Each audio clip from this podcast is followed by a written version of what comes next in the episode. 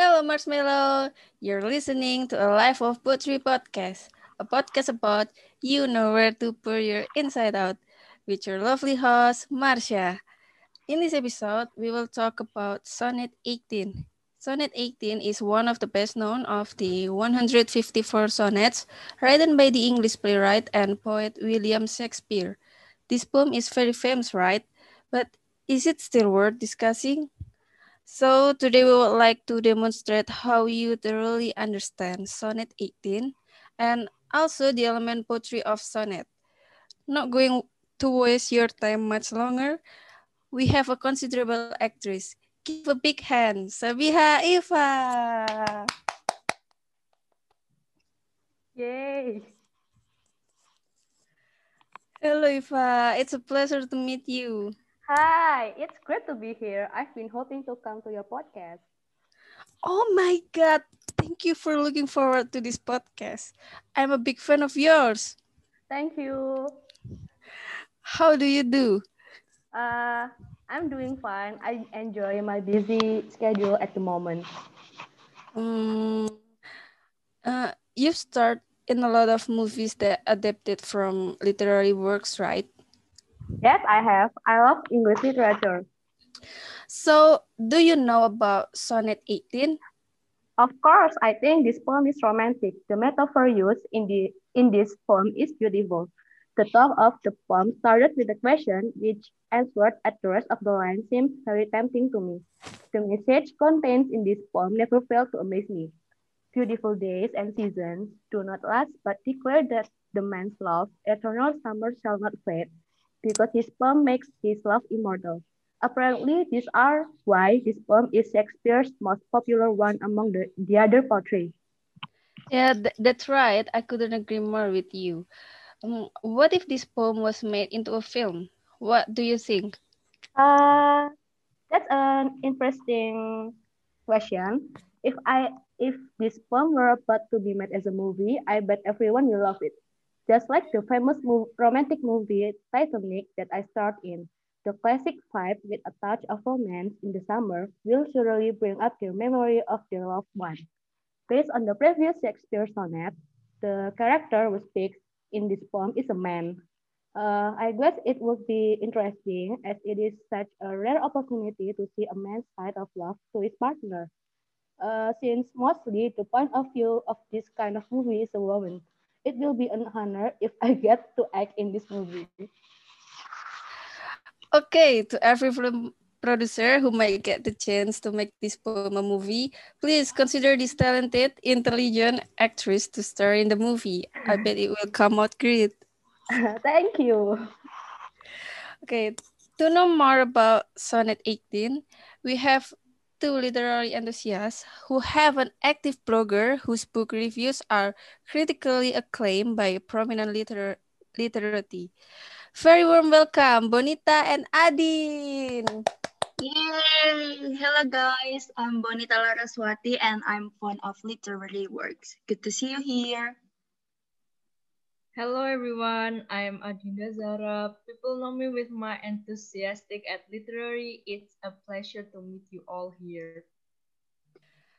How's everything? Is it good? Yes, everything's all good. good. How's yours? Uh, uh, I'm okay. Thanks for asking. Okay, uh, so the blog belongs to both of you. Yes, it belongs to both of us. Uh, then, can you give us a brief overview of what exactly your your blog is? Well, we regularly do some various types of book reviews from famous authors or poets such as John Green, J.K. Rowling, or Rupi Kaur. It aims to know more about what languages or words did they use to make a whole book that inspires others.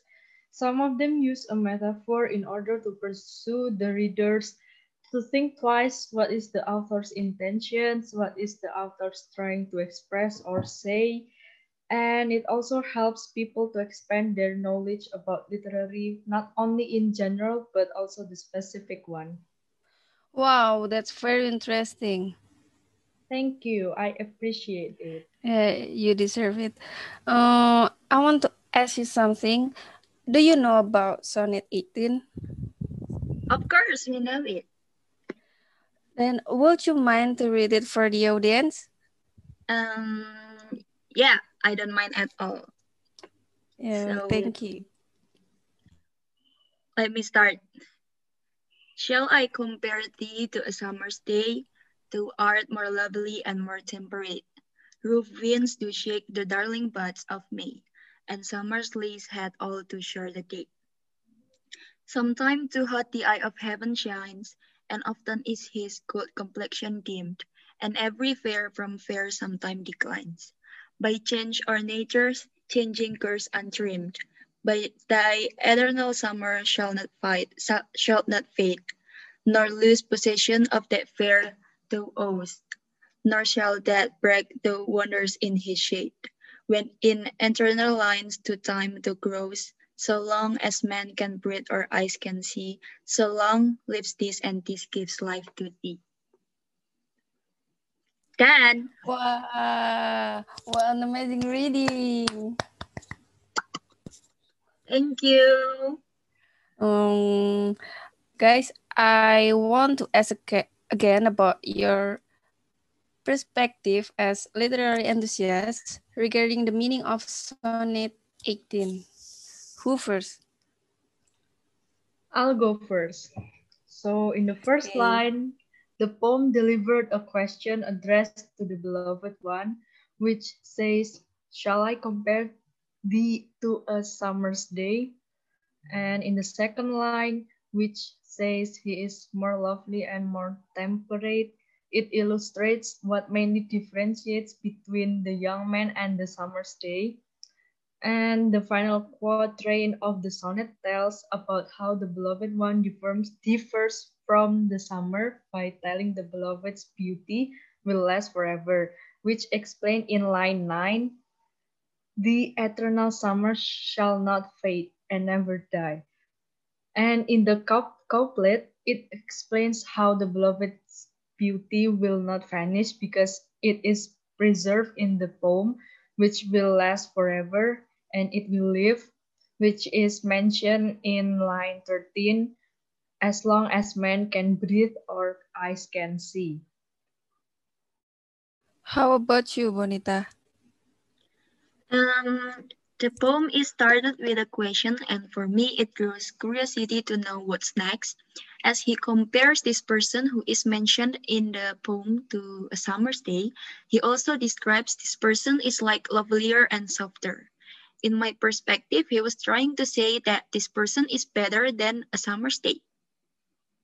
And what I call from line 5 to 8 Things keep changing and nothing lasts forever on summer's day, but in line 9 to 12, he begins stating that this person is like eternal summer. It is like the love for this person is immortal. What he tries to say in the last two lines is this person will remain forever through this poem, despite they would die at the end. Wow, exactly. Uh, I want to know something. Do you have someone who inspires you? Um, me is Agatha Christie. How Uh, about you, Adin? Um, for me, yes, there are a few outstanding people that inspired me so much. One of them is John Green. Okay, it's such a coincidence. We have a special guest, an eccentric figure whose poems have inspired millions of people. Kala, one of the most circulated magazines globally, has included her in Kala 100, the most influential persons of the century. Give a round of applause, Bibil! Hello. Hello, it's glad to see you. How have you been? You can see I'm okay. And how about you, Marsha? I'm pretty good. Oh, it's incredible how you become one of the most circulated. How does it feel? Wow, Actually, I'm so shocked heard it, but I think it is an achievement for me, and maybe because a lot of people reading my creation poem. Yeah, I know it. Mm, how comes your poetry become inspire so many people? Um, I create a simple poem, but it has a deep meaning, and because I create a poem with my deep feeling, and I spread all of the emotional feeling in my poetry so that they can feel the meaning. Mm, yeah, I feel that too. Mm, but since our topic this time is Sonnet 18, I want to know what you think about the elements of poetry in Sonnet 18. Uh, okay, for the elements of poetry, for the first, I want to explain the origin of sonnet. Sonnet is from Italia, namely is sonetto, and sonnet commonly have 14 lines with three rhymes, but many people think sonnet and pantun have similarities. While pantun just have four lines with the same rhythms like A, B, A, B, and it's very clear the both difference. And the sonnets has some types of the poem. There are six major types, and Shakespeare is one of the kinds from sonnet, with the famous poet is William Shakespeare. Sonnets 18 is the masterpiece from William Shakespeare to compare someone to summer. Basically, Sonnet 18 has the purpose of expressing admiration for someone through a poem. Wow, we got new knowledge. Thanks to you, Bibir. You too, Marsha. I feel I'm just spreading what I know. Um, about Sonnet 18, do you think it is still worth discussing? Uh, to me, Sonnets 18 still worth developing or discussing because maybe this poem can encourage people who are in love or are heartbroken because they were rejected. This can be used as a forum to find what happened, like the original goal that he convey a sense of admiration. Yeah, that's right. Um, to sum up, Sonnet 18 is still worth to discuss.